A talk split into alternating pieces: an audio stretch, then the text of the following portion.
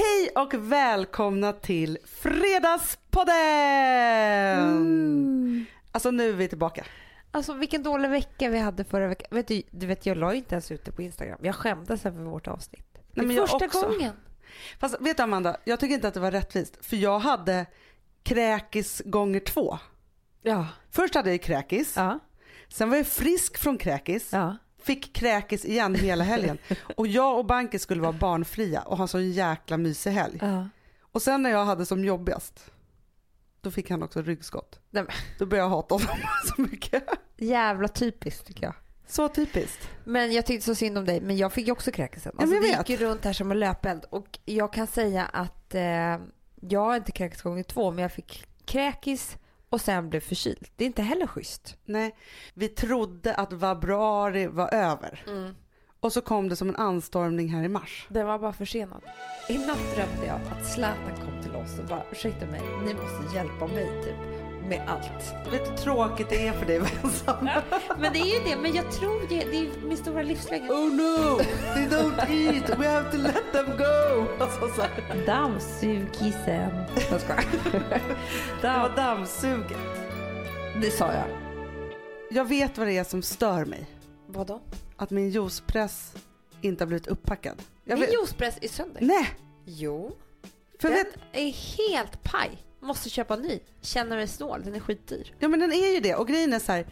Jag kan inte fylla på mina depåer. Nej. För grejen är så att man äter mycket grönsaker hela tiden. Nej, fast det är så hemskt när man är sjuk också, när man mår illa. För då Ah. äter man det äckligaste av det äckligaste. För man Ah. vill bara leva liksom. Och att någonting ska stanna kvar i magen. Och då blir det så här någon halv skorpa, någon rostigt, någon seg napp. Eller man hur? försöker bota sig själv på sjuka sätt. Ja, det är inte så att man börjar äta spenat. Nej, men, och vet du vad jag alltid gör också som är så konstigt? Jag förnekar in i det sista att det är kräksjuka typ. Alltså det är inte så att jag bara, nu är det kräksjuka, nu är det här som gäller, nu ska jag dricka något te. Alltså för det är ju världens bästa tips att man så kokar ris och så dricker man Är risvatten. det sant? Nej, men jag kan inte komma på en ren tanke. Det kan jag göra om mina barn är sjuka och så. Men just under min egna sjukdom så är det också så här, i lördags då när jag var som sjukast, Ja. jag duschade för jag skulle följa med Gustav någonstans. Sen bara smörj in mitt ansikte. Så- Som att det skulle bli bättre liksom. Som att det bara var någonting, en släng på förmiddagen. Helt dum i huvudet. Men du, jag måste berätta vad jag var med om igår. Det var så jävla obehagligt alltså. Jag, fy fan vad hemskt det var. Jag kommer hem Ja. och upptäcker helt plötsligt... Nej, men Hanna, varför skrattar du nu? Nej, men du, jag undrar om det är hypokondrin som ska tala nu. Nej, Nej, nej men alltså sjukt. jo men det, är ju- det är ju lite det också. Men. Du kommer hem. ja, nej, jag upptäcker att jag är ljudkänslig. Men Hanna nu skrattar du. Men vadå, hur upptäckte du det här? Du kommer hem. Men Mina barn så fort de sa någonting så jag gjorde ont i hela min kropp. Men Hanna, du Jaha. fattar inte hur det här var. Vadå, de hade sin vanliga volym. Så fort de sa någonting så gör det ont i hela min kropp. Det gör ont nu bara jag tänker på det. Alltså det blev som panikkänslor. Alltså till slut får jag gå in... du skrattar nu. Det är så hemskt att du gör det. För, att, för det första ska jag säga så här. Jag gick in i ett eget rum och Ja. började googla. Såklart. Ja, för jag tänkte... Ljudkänslighet, Nej, men jag ont i tänk- kroppen. Jag tänkte ju så här. Det där är första tecken på en jävla hjärntumör. Ja, men det, Ja, du fattar ju var ja, jag var någonstans.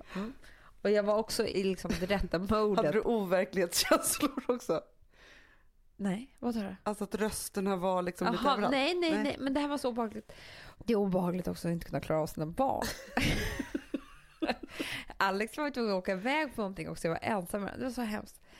Men då började jag googla i alla fall. Ja, Och jag hittade ingen hjärntumör eller någonting. Jag hittade bara samma sak. vadå? Stress. Ja. Alla de här beskrev exakt samma sak. Och det var också mycket med barnen.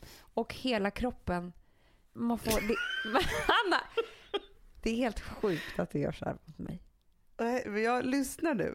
Du, hade, Du vet du det hittade var. människor på nätet som hade samma stresssjukdom som dig som gjorde att ljud gör ont. Ja! Ja. Jag bara sammanfattar lite. Skitvanligt är det. Ja. Då Det var tio kanske För det på första så är det hela väl- internetet som hade. Det var hur vanligt som helst. Alltså för det första är det väldigt vanligt med ADHD och Aspergers. Ja men det förstår men de Va? är ju ljudkänsliga. Ja, och det hade inte jag. Nej. Eller det har ju inte jag.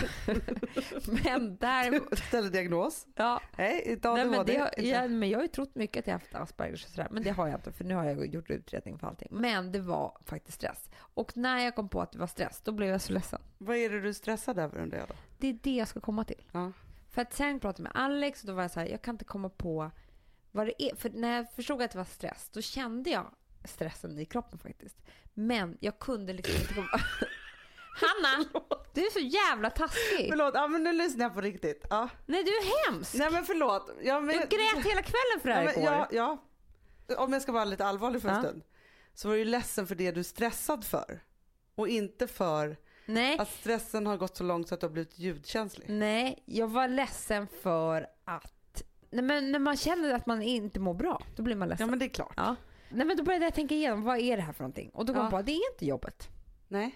För jag, Nej för alltså, du är inte stressad. jag är inte stressad. Och ska, sen är det såklart att jag börjar tänka så här, ja, vi lämnar två böcker, vi gör det här och det här och det här och börjar så här fiska i det på något sätt. Men jag känner fortfarande, det är inte jobbet. Men det är en sak att ha mycket att göra och en annan sak att känna att, Det att man inte kommer kunna klara av det. För det är det Exakt. som är stressande. Men vi har ju ändå kontroll över våra situationer Exakt, som är mycket. kun- exakt, så jag Ja. kunde liksom inte hitta någonting där.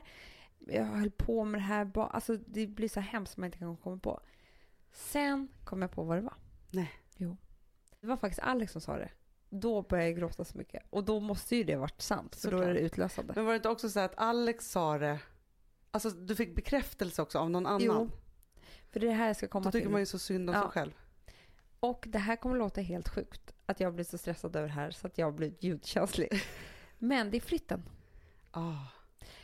För Men att... du vet hur jobbigt folk tycker att det Nej, är men, att och flytta? då berättade Alex att hans terapeut har då berättat för honom att det är på fjärde plats den största krisen en människa Ja. är med om. Att flytta. Och jag har aldrig vetat om det här, Hanna. Nej men så är det. Det är, som att typ man så här, hänger alltså, det i är, luften. Att någon skulle dö är typ liksom Ja. längre ner Nej, det är än att det. man ska flytta. För att för människan så är det typ så här att man hänger i luften. Du vet inte var du Men är du vet hur jag mådde. Det var det jag försökte tänka efter. Du vet Då kom jag på på att att prata om Hanna det. mådde inte bra. Bara först att rensa ut hela sitt liv. Ja. För först ska man göra det. Ja. Jag packade ihop liksom tio år av sorg också Ja. och liksom slängde. Typ. Ja. Alltså så här, det var ju liksom, först ska man göra det, sen ska man packa ihop alltihopa. Och visst, du vet vart du ska flytta, hur det ser ut där och så vidare. Så här. Men du kan inte förstå hur det kommer vara där. Nej, du vet hur den lägenheten ser ut nu också. Ja. Det är inte ens en lägenhet för det, det var Ett byggt- svart hål, Det är ett typ. svart hål. Ja. Så att jag är, överhuvudtaget ska kunna bo där. Eh, Men du vet ju också hur viktigt ditt hem är för dig. Det här är ju inga konstigheter egentligen. Och sen grät jag så mycket när jag tänkte på, för det är så värsta med den här lägenheten, nu kommer det igen. Men det är att jag hade... det är barnen ska bo två rum bort. Nej men Anna, jag kommer inte att höra dem. De, Nej är, men det är hemskt faktiskt. Jag förstår dig. de är på andra sidan lägenheten. Så Nej. hemskt Hanna. Alltså jag grät för det här hela kvällen igår. Ni får ha våningssäng i Nej sovrummet. men då, nu har Alex lovat att jag ska få ha den värsta babywatch man kan tänka sig. Han säger att vi kommer att höra med öppna dörrar. Ja men det måste ni ha. Ja eller hur Anna? Jag har ju precis lärt mig att Ja, jag, är inte, jag är inte där än. Jag ska Nej. erkänna det. Men jag är, alltså, Vilma har i alla fall börjat sova i eget rum. Hon Ja. somnar där. Ja. Först kunde inte jag somna förrän hon hade kommit in i vår säng. Det var jättejobbigt för det kunde ju vara vid två liksom så. Så. Ja. Men nu vet jag ju att hon går ju upp och så nattvandrar hon själv till våran säng. Hon kan det. kommer hitta. Jo men det är då jag tänker så här. Ni får göra liksom som en ljusslinga de kan följa. Ja. Det är inte så Det är farligt som att jag ska lämna bort dem, förstår du? Ja, men jag Alltså, förstår det, dig. det här är fullständig panik för mig. Och jag tror att hela den här flyttkrisen, hela krisen har jag bara narrowed down till det här med att Ja. de ska bo så långt bort i ett annat rum. Förstår du? Så det är därför jag gråter, men jag tror att det är för hela flytten. Men de två bor nära varandra. De ska bo i samma rum från början, tänker jag, Ja. för det är mysigast. De Ja, bor men det är mysigt för då har de ju varandra Ja. och hör varandras andetag och så. För det är en annan Exakt. sak om det ska bli så här som ett tyst vakuum bara. Nej, nej, de ska bo i samma rum. Men det är ändå två rum bort. Ja men jag Alltså, förstår. Och jag, nu bor jag vägg vägg med dem och jag håller på där. Du vet hur mycket jag går in till Frans varje natt och matar med välling varannan timme liksom. Det är att jag vet ingenting om det här nya. Nej. Hur vi ska leva, hur vi ska bo, hur vi ska Ja, men det liksom... är ju såklart jätteläskigt för dig. Ah, gud. Men jag trodde inte att jag var sån. Nej, Förstår men du? det Jag... är så här, nu har ju ni varit i det här, vi köpte lägenheten, vi sålde den gamla, allt gick bra. Ja. Och så ska ni börja renovera och så är det bara jättekul. Och- För att hela den här grejen med liksom att, att skaffa någonting nytt ska ju vara så himla himla kul. Mm. Det är ju på något sätt som att man helt plötsligt bara drabbas Ja. av någonting som man inte såg Och komma. det är så mycket beslut. Alltså, jag har aldrig renoverat heller. Du vet, jag kan ligga nätter igenom Hanna och tänka så här. Hur är det med färgen i sovrummet? Alltså jag får nästan så här panikångestkänslor över att jag har valt fel färg i sovrummet. Ja. Förstår du? Det är som att jag tar så här mina livsbeslut här och nu över en jävla vägg. Att du kan måla om när som helst. Ja, men jag vet, jag försöker trösta mig. Men det är verkligen stress det här. Alltså, så att jag blev ljudkänslig. blev det. Ja, men alltså kommer det inte ut på rätt sätt då kommer det ut någon annanstans. Och nu kom det ju ut i din ljudkänslighet. Ja, och den blev bättre när jag hade gråtit igår. Såklart. Ja. Så är det ju med all ångest, eller vad man ska säga. Ångesten kan ju vara sjukt stor. Mm. Tills man har hittat kärnan. Och de har ju fortfarande lite ångest kvar, men Mm. halva är ju borta. Så det är det ju Ja, det är viktigaste så med all oro och ångest, att kunna komma till kärnan. Och ofta så är det ju så att man går och bär på någon stress inne, för du har ju haft den här förmodligen, men du har inte uttalat det till någon. Att du är, för det Nej. blir också så Det här, är det tror att, att säga det till Alex, det känns tjabbigt liksom. För att det är så här, han är ju glad över det här och kämpar på med byggarna eller vad han nu Mm. gör. Och sen så helt plötsligt så kommer det där. Men då jag tror säkert att du och Alex och barnen behöver ju liksom förenas i det här. Mm, jag tror också det. Det var faktiskt vår bästa Louise Hallin som sa det. Mm. Att alltså nu för tiden. Så är det väldigt vanligt att man är så här hej då lägenheten, någon annan packar ihop och så flyttas den och så helt plötsligt så här, barnen är hos någon farmor och farfar typ och så kommer de till ett färdigt hem. Hon bara, det är det sämsta som kan hända för barnen. De måste se flyttkartongerna, det ska vara kaosigt, de måste få flytta liksom i sitt Det huvud förstår jag också. Hanna, nu när jag tänker efter. För du vet, du har ju säkert tänkt så här, hur ska vi lösa det här praktiskt med barnen? De Nej, men det har jag tänkt på hem. så mycket. Jag har Ja. så här, det bästa är om vi flyttar på en vardag så barnen på dagis så kan mamma komma och hämta och kan de sova över där så de kan komma dagen efter så vi har ändå packat upp Ja. något. Men du vet. Jag vet, och det är ju liksom inte så bra. Det är Nej. klart att det är så här, att göra det värsta röjet när du öppnar dörrar och flyttkillar där, det Jo, kanske jo. liksom är bra. Men däremot så måste de få packa ihop sin lilla låda. Men jag tror att det är också jätteviktigt för Charlie till exempel att få en låda. Hon kommer inte packa ner allt där, men Nej. att packa lite saker där. Ja. Ja, jag tycker det är så jävla sorgligt också. Lämnat hem. Alltså, jag tycker det, nej men det är sant. Det här hemmet har ju tagit hand om oss Jag på vet, sitt lilla och vis. du har fått ett barn där och det Nej, har men Säg liksom... inte så. Alltså, Fast det härliga är ju om du kommer till ditt nya hem och tänker så här. Gud vad det här hemmet kommer kunna ta hand om oss. Ofta får man ju så känslor som så här, här ska jag kunna skaffa ett nytt barn eller ja. här ska jag kunna göra det här eller vi kommer vara så här på det här viset. Mm. Du får ju tänka på allt det positiva. Mm. Det var ändå skönt att få gråta lite här i podden också Ja. med er. Men jag ska säga en sak faktiskt. Som kommer låta knasigt nu. För att det är en sponsor till oss här. Men ska jag säga när jag blir lite, riktigt trygg under de här stunderna. Ja. Det är när jag mular med min inredningstidningar. ja, men jag förstår det. Det är någon annan som har valt och jag kan bara blicka in något annat. Nej, men Alltså, Amanda, jag har aldrig köpt så många inredningstidningar Nej. som jag gjorde under min flyttperiod. Nej. Och- Det är som att eller jag jag, jag här, håller handen fortfarande-.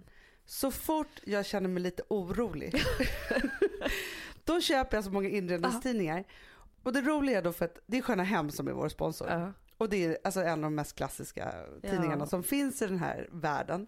Vår Eh, farmor jobbade där ett tag. ja, Var chefredaktör. och Claes som nu är chefredaktör, Mm. han är faktiskt våran farmors adapter. Eller Ja. säga. Ja. Och jag har också jobbat med Claes, vilket är så roligt. Och då känns det ännu tryggare. Det är det som är så härligt. Ja, och då måste jag också säga en sak. Att jag köper ofta ganska mycket utländska inredningsmagasin som aldrig är bra. Det är Nej. bara massa skitreklam och sen så är det, Det är väldigt typ tunt i dem tycker jag. ett halvt hem, Hanna. Ja, men, nej det vill man Jag inte se, vill- man vill se hela hemmet. Det nya sköna hem som vi har här, Ja. det är typ hur många hem som helst. Den är så här tjock.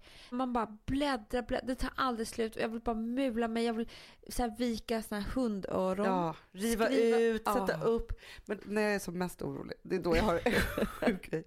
Då kan jag köpa Sköna Hem fem gånger utan att förstå att jag redan köpt den. då vet jag.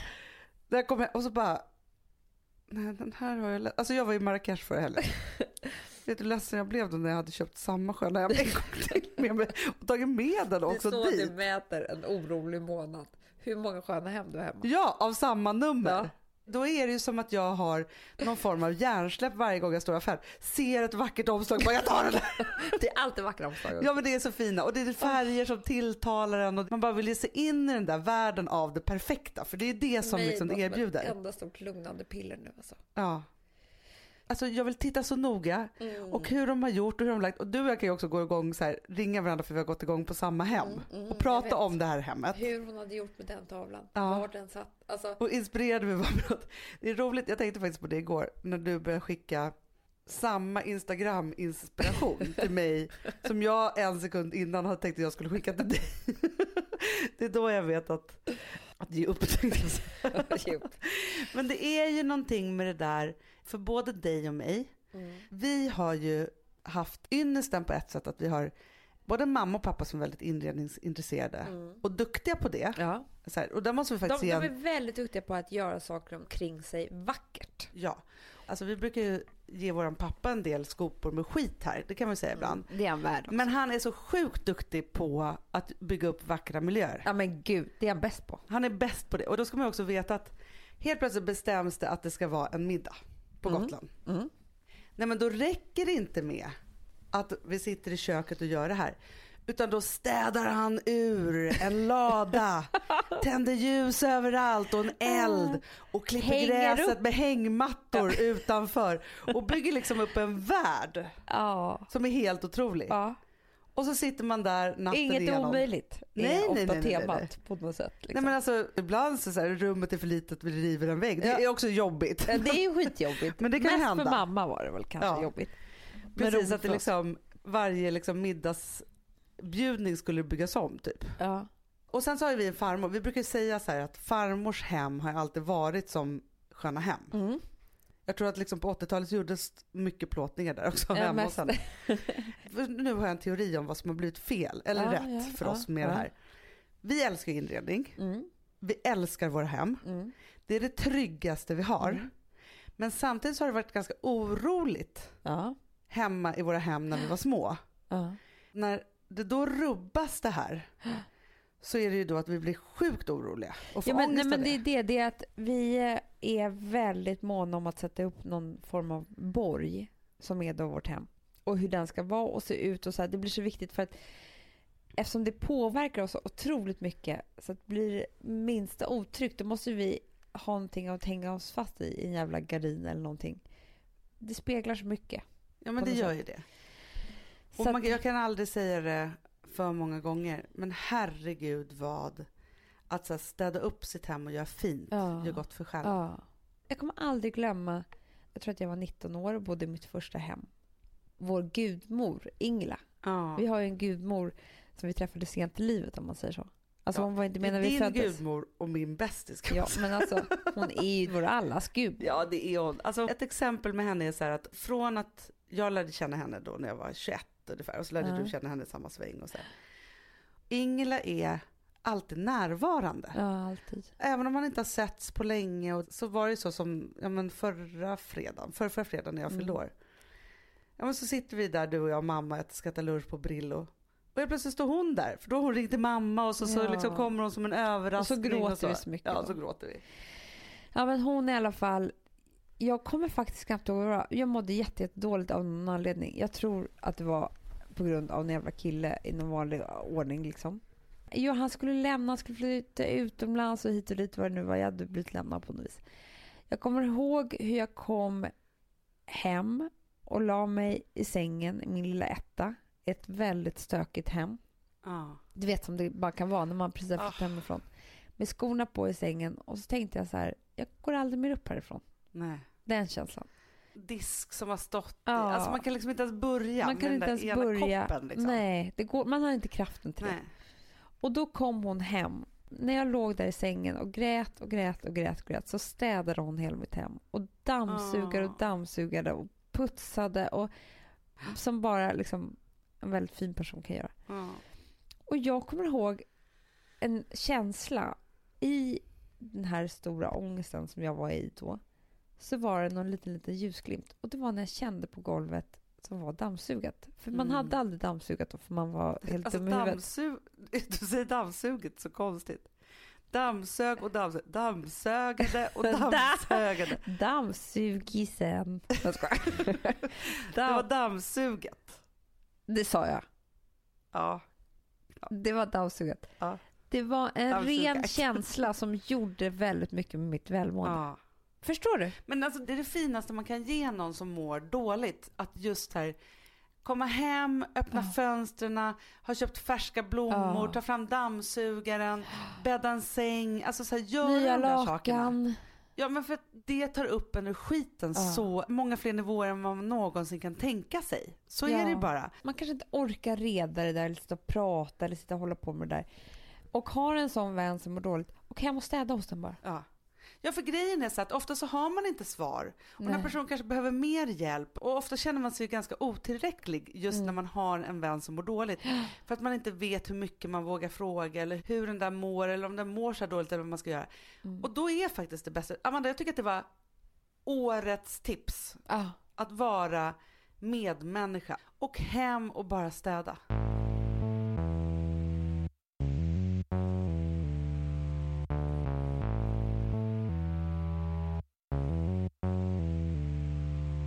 Amanda, vi är sponsrade av Sambla. Ja, och det tycker jag är så bra. För att just också i dessa tider, Hanna, men Mm. oavsett, så är det ju jätte, jättesvårt det här med lån och långivare och vad man ska ha, liksom vad man ska kräva och vad som är bra och dåligt och alltihopa. Och då, men Sambla, Hanna, de kan allt. Ja, Alltså, Alltså, allt om det här. Sambla är en personlig jämförelsetjänst för lån och de alltså, jämför upp till 40 långivare, vilket hade tagit otroligt lång tid och jättemycket energi om man skulle göra det här själv. Mm. Och De hjälper ju dig som kund liksom, att jämföra dina långivare. Ja, men det är precis det de gör. Och de erbjuder personlig hjälp med låneansökan. Det tycker jag också väldigt Men, mycket om. det är så bra. Eh, så att oavsett om du behöver hjälp en kort stund eller om du vill ha en guidning genom hela låneprocessen så kan du vända dig till Sambla. Och du vet, Sambla är alltså branschens, har ju branschens nyaste kunder. Fem stjärnor och 24 000 omdömen på Trustpilot. Då har man gjort ett bra jobb kan man säga. Mm. Så är det. Hörrni, in på sambla.se och ansök. Vi har ett betalt samarbete med Syn nikotinpåsar. Det här meddelandet riktar sig till dig som är över 25 år och redan använder nikotinprodukter. Syn innehåller nikotin som är ett mycket beroendeframkallande ämne och Syn kommer i olika smaker, styrkor och format. Nu lanserar Syn en helt ny smak inom mint. Syn Slim Cool Frost, som har en tydlig smak av kylande pepparmint och mentol. En långsmal helvit prilla. Och enligt 90 procent av 366 vuxna konsumenter så har den en långvarig smak. Läs mer på niko.com och klicka in på Syn. Och glöm inte att slänga din tomma dosa i plaståtervinningen. Woof! ja, det var kul. Mm, Jag är lite mer så här. Man måste, när, när man pratar, alltså vi sponsrar Prima Dog och när man pratar med den där, jag känner så att alla woofande måste vara med. Det finns ju de som säger voff, voff, och så finns det voff. Alltså, det, det finns Det många... här är mera Fonzie. Han, han skäller inte så mycket, men han låter så här. Han har så, sån. eller hur? Så, ja, det har han faktiskt. Får jag, säga, jag skickade ett klipp till dig. Contemporary dance med hund. Du, det är så Fonzie dansar när han får prima dogmat. För att, Ja, vet du varför? Den är så snäll mot magen. Han får en helt bekymmersfri vardag. För du vet, magen, den måste man ta hand om. verkligen. Nej, men så här, och Prima Dog har ju torrfoder, våtfoder, godis och tugg i sortimentet. Alltså tugg är ju så här som de skulle hålla på att tugga på. Det är, faktiskt, det är Fonzies favorit faktiskt. Tugget. Ja, men han har ju också börjat älska våtfoder. Mhm. Det skulle jag det också kanske tycka var go- Ja, gott. men jag, jag förstår honom faktiskt. Men det är alltså vetefria produkter med mycket kött. Och det är det som jag tror är så bra. Produkterna finns ju online, i välsorterade djuraffärer och i dagligvaruhandeln. Alltså, jag skulle vilja att du och Fonzie lär er contemporary dans. Det var ju som agility fast med dans. Mm, ja, ja, vi ska Ah. göra det. Vi, jag tror att Prima Dog kommer vilja ha oss som ansiktet utåt Ja, men det är det jag känner. Ni dansar er fram till... Alltså för deras, jag älskar ju deras eh, liksom, tagline och det är Taste of Nordic Happiness. Och liksom, ja. Då måste dansen vara med. Ni kan gå in och läsa mer på trimadag.se och snart se mig och Fonzie i en dans på en skärm nära er. Underbart!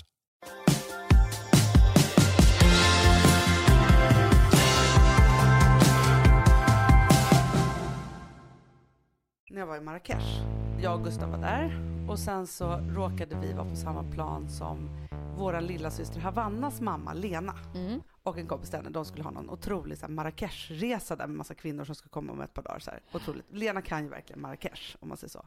Mm. Det blev så här naturligt att vi åt frukost där och det var så här härligt, man hängde liksom så. Och så kom jag att tänka på det att vi har ju liksom haft en väldig rullians på styvmammorna i vårt liv kan man säga. Ja. Vi brukar säga det att pappa har nytt hus och ny kvinna varje sommar, ja. typ. Och ibland Så. ditt barn. Och ibland ett barn Ja. och en hund. Och en hund. Mm. Det är nya saker hela tiden. Liksom. Det kan man ju tycka vad som helst om och det kan ju skapa liksom, otrygghet eller oro eller liksom sådana saker. Men så tänkte jag också så att det har givit oss en så otrolig kvinnoskatt. Mm. För Lena är fantastisk, alltså hon är ju en jättefin vän. Alltså man är på ett Nej, annat men sätt det, när man det har något, det är ett syskonhop tänkte jag säga. ja, men Men det är ett liksom- blodsband Ja. på något vis. Även om inte vi är...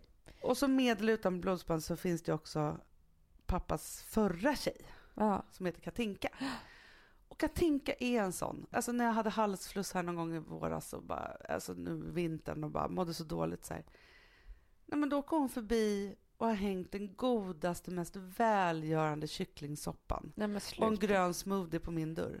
Hur härlig är man inte då, Ja. tänker jag. Och då blir jag arg på mig själv också, för jag är inte så. Nej, och det är inte jag heller Hanna. Men du kan dammsuga det och dammsuga det här hos någon. Jag ska damm, dammsuga den. Nej, Ja. men jag vet inte, jag, jag ska bli mer så. Men det är svårt att komma på det också. Men Man vissa tror att människor måste... är ju det. Ja, jag vet. Men man tror också att man måste slå på stort hela tiden. Att det ska vara liksom, och då åka hem och dammsuga och sånt. Men det handlar om när man inte mår så himla bra. Då är det det största finaste. Och det är bara, Mm. gäller bara att komma ihåg det. Och ibland måste man tvinga sig till att få göra det. Alltså för att grejen är att när man mår så där dåligt, Ja. då säger man ju nej tack. Men det, men det är klart man är man inte gör. värd något. Man vill inte att någon ska komma in där och se så här, men det är det enda man behöver. Det är det enda man behöver. Så man är så glad när någon tvingar sig på, för det är det som, vi håller på att skriva en bok Ja, nu, ja. som vi inte har pratat om så mycket. Nej. Och så har vi bett lite kompisar läsa för att liksom få feedback Ja. på den. Mm. Och då så skrev en kompis då som har läst den här, så jag säga, ja, en annan titel på den här boken kunde ju också vara När mamma kom och räddade mig. för det är som ett återkommande tema i den här Ja. boken. Jag tror du och jag skriver om det liksom tre gånger var, när vi blev räddade av mamma. Man behöver bli räddad av någon. man ska inte klara hon av har allt. skitit i när vi har sagt nej. Ja. Framförallt så behöver man inte klara av allting själv. Nej, Det finns ingenting man behöver klara av själv. Jag förstår inte varför vi ska vara så starka själva hela tiden. Ensam är stark. Absolut inte. Skaffa dig så många medmänniskor som det bara Ja, går. men det är så härligt att ha alla de här braiga människorna. Och också så här, för jag tror att vi jobbar mycket med skuld. Att det är så här, ja, men kommer någon och hänger något på min dörr, då måste jag också göra det tillbaka. Att det är så här, det är inte så universum funkar. Så här, någon kommer med en soppa och hänger på en dörr och Speciellt sen inte de där människorna nästa. som gör såna saker. Nej. De tänker ju aldrig på att få tillbaka. Ingela skulle aldrig fundera överhuvudtaget Aldrig. på. Hon skulle tycka det var jobbigt om vi kom och städade oss henne. Ja.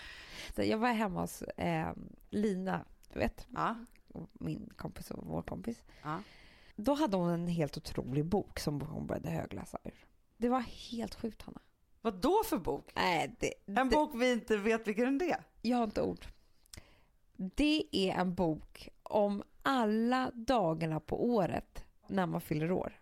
Alltså vilken dag på året man fyller år. Ja, Förstår du? 7 mars. jo så är det ju.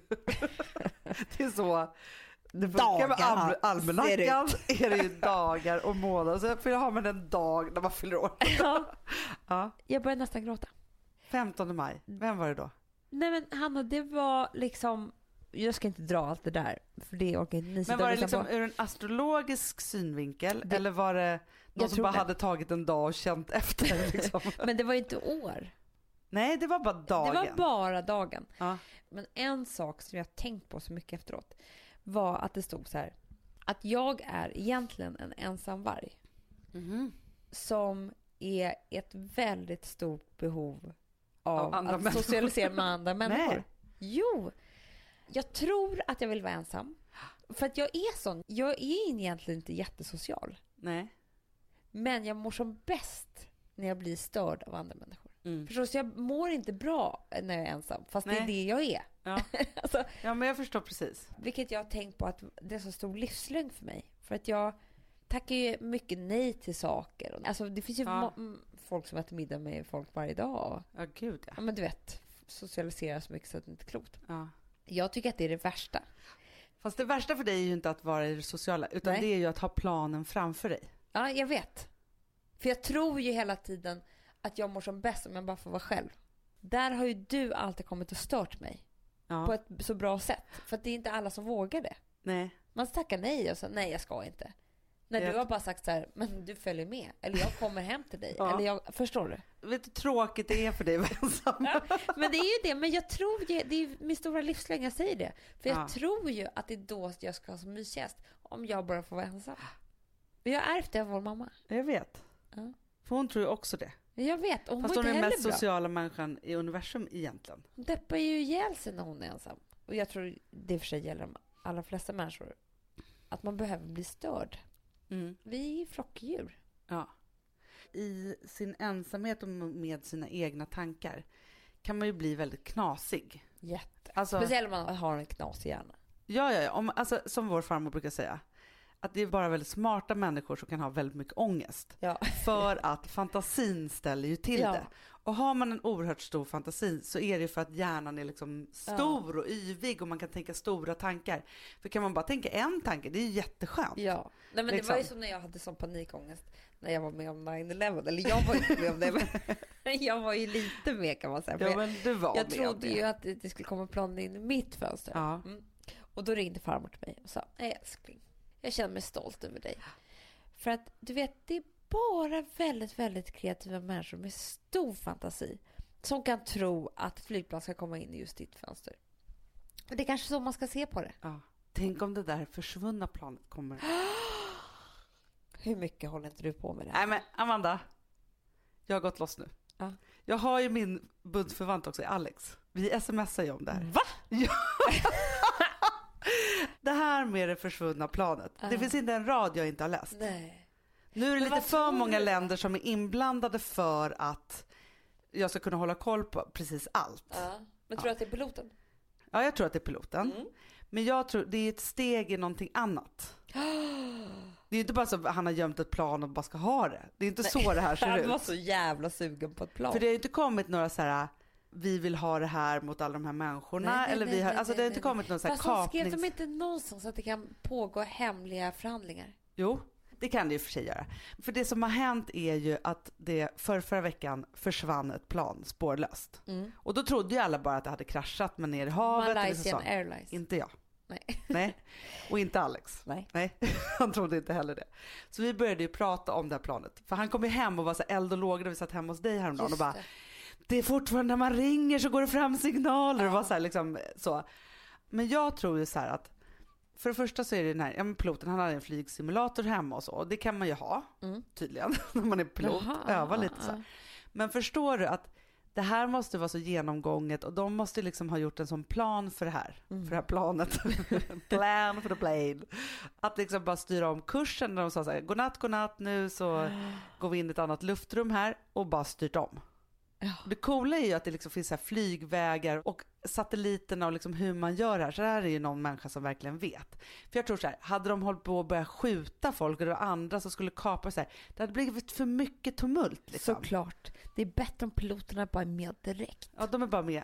Och alla satt väl och sov. Liksom så här som man gör på ett plan. De har släckt ner, alla har fått sin middag, Nej, satt på gud. någon film. Och förstår du, när du sitter på ett plan Amanda, det kan flyga var som helst, du skulle inte märka det. Du bara, nej, nu ser jag att vi åker fel. Det är inte som att sitta i en taxi liksom. Nej! Nej, utan du har ingen aning. Ja, men det är klart att man kan vara flygrädd. Jag fick ju prova på det när vi åkte till Lund. Mm. Marrakesh, ingen fara.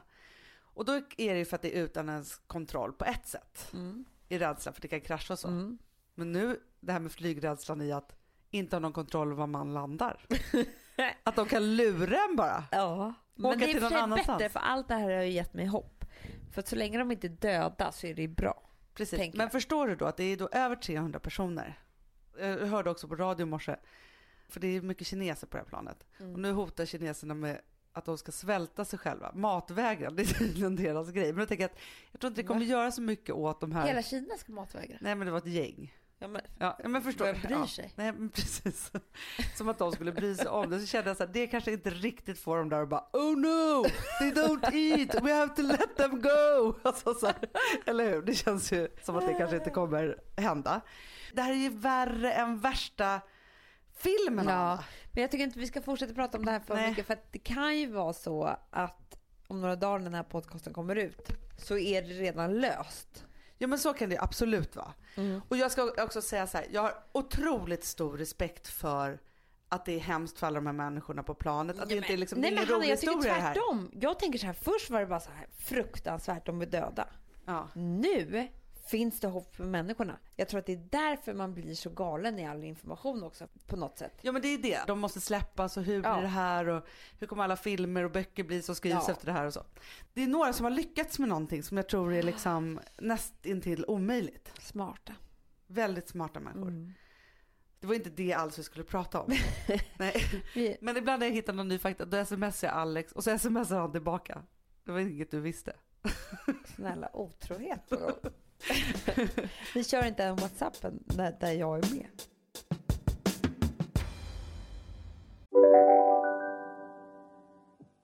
Hej, Synoptik här.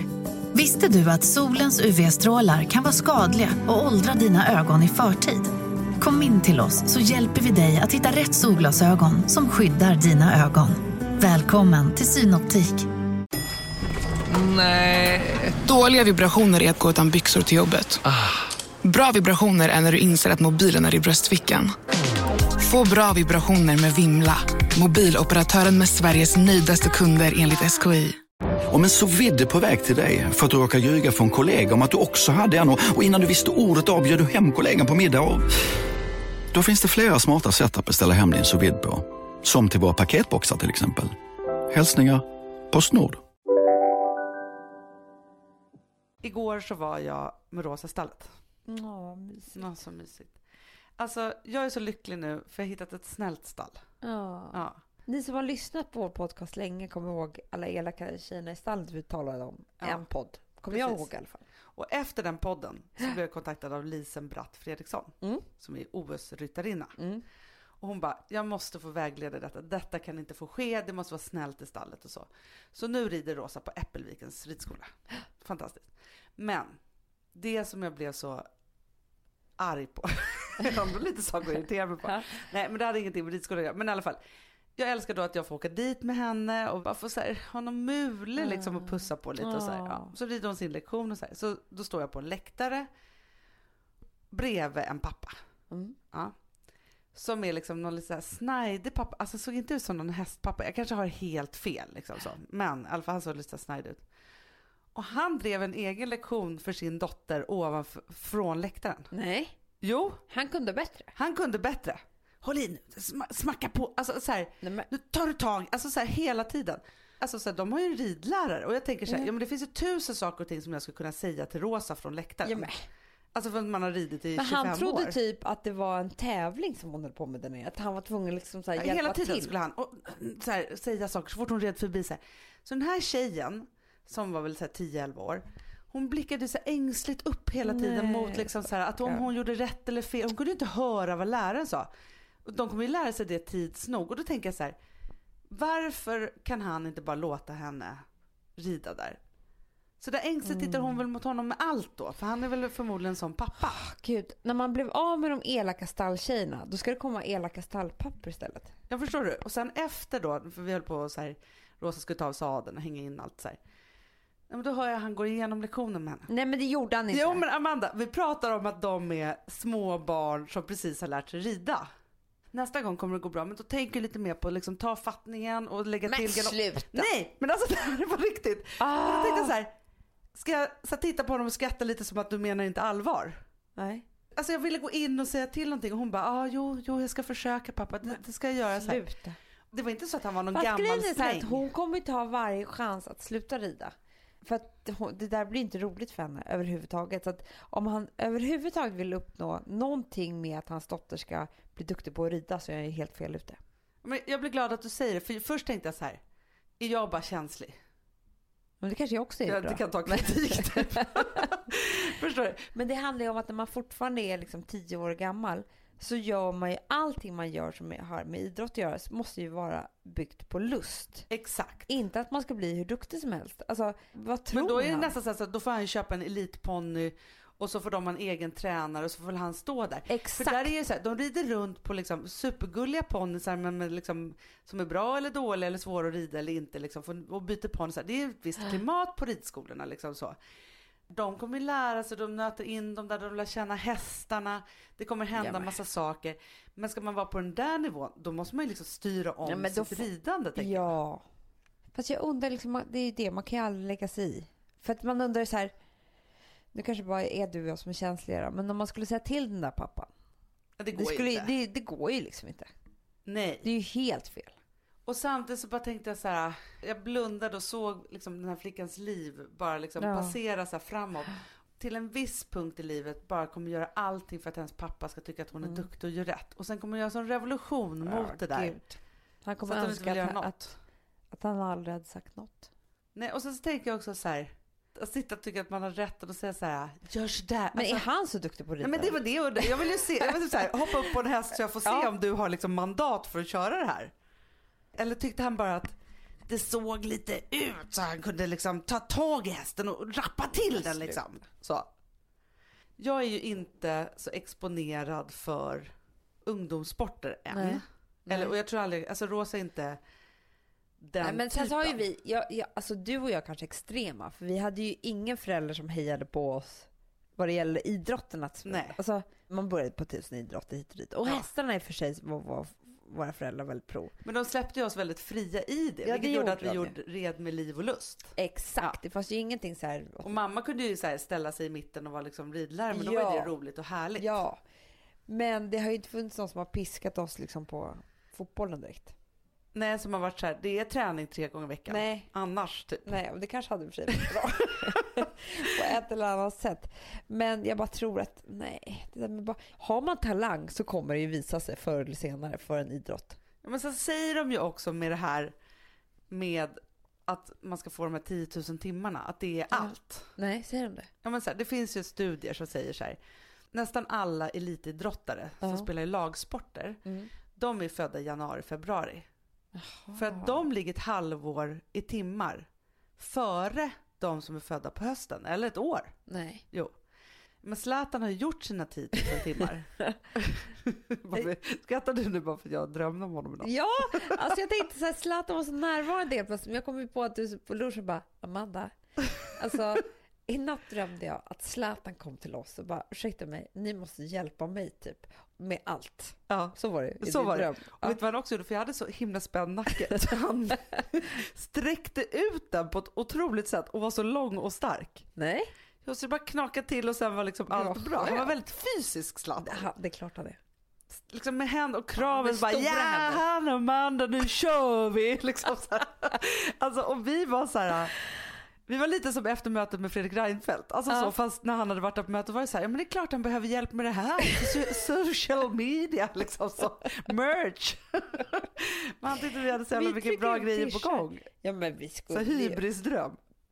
Ja, men jag tror ju mycket på sanddrömmar. Ja, det var ju sann dröm. Det var ju det det var. En Det sann var dröm. Det var Du- inte bara att jag hade blandat ihop verklighet Nej, och dröm.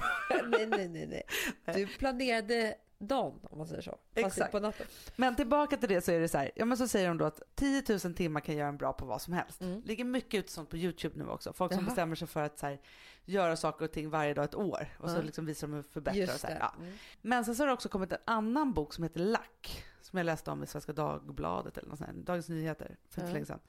Och där handlar det också om så här, är det de här 10 000 timmarna eller handlar det om tur? Men tur... Men, det kan ju vara så att man men, får en skada eller man liksom, alltså så här, att det var liksom, men för jag tror det handlar om talang. Vad kommer det in då? du kan ju lära dig vad som helst om du bara gör det 10 000 timmar. Det tror inte jag. Nej. Nej men, nej, men Hanna, liksom vissa, de har ju liksom... Nej, men, Ja, men man, måste ha någon grund. Sig, ja. Det är Men- inte så att jag kan bli bäst på att spela fiol. Nej. Tror du det? Nej men så här, om du och en annan person, det visar Ja. sig att ni, ni spelar liksom Blinka lilla stjärna på fiol Ja. lika bra. Ja. Men du tränar en gång i veckan. Men den här andra flickan hon tränar Nej, okej. fyra timmar om Ja. dagen. Ja men då är det klart att den blir bättre. Men liksom för att bli elit, elit, elit. Alltså bästa i världen. Då tror jag att det bara handlar om talang. Zlatan har det. Ja, men han har också bollat Amanda. Han stod där när inga Jo. andra var där. Jo jag vet. Men det finns andra som har bollat lika mycket som inte är lika duktiga.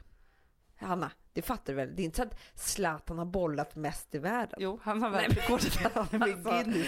I Guinness rekordbok. Alltså, Most ball in the wall in life. Nej. Nej, nej, nej, nej, nej. Glöm det. Jo. Jag ska skriva en annan bok. Det Talent handlar bara om talang. everything. Ja. Mm. Inga timmar.